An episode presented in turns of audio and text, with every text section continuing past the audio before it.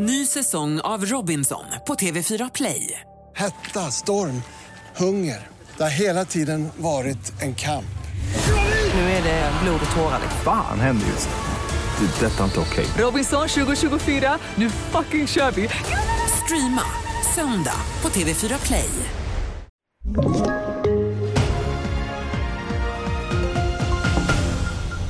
TV4-nyheterna här.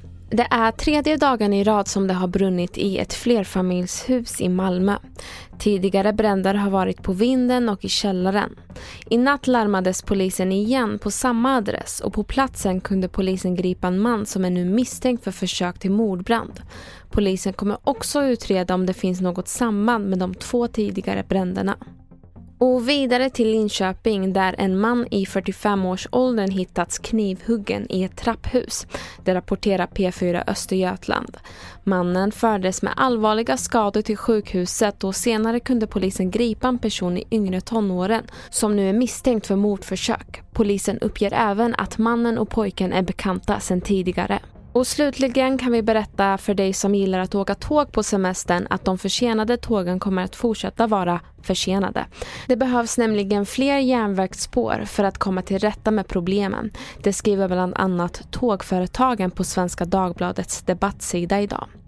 Fler nyheter hittar du på tv4.se eller i appen och jag heter Merjem Jamil.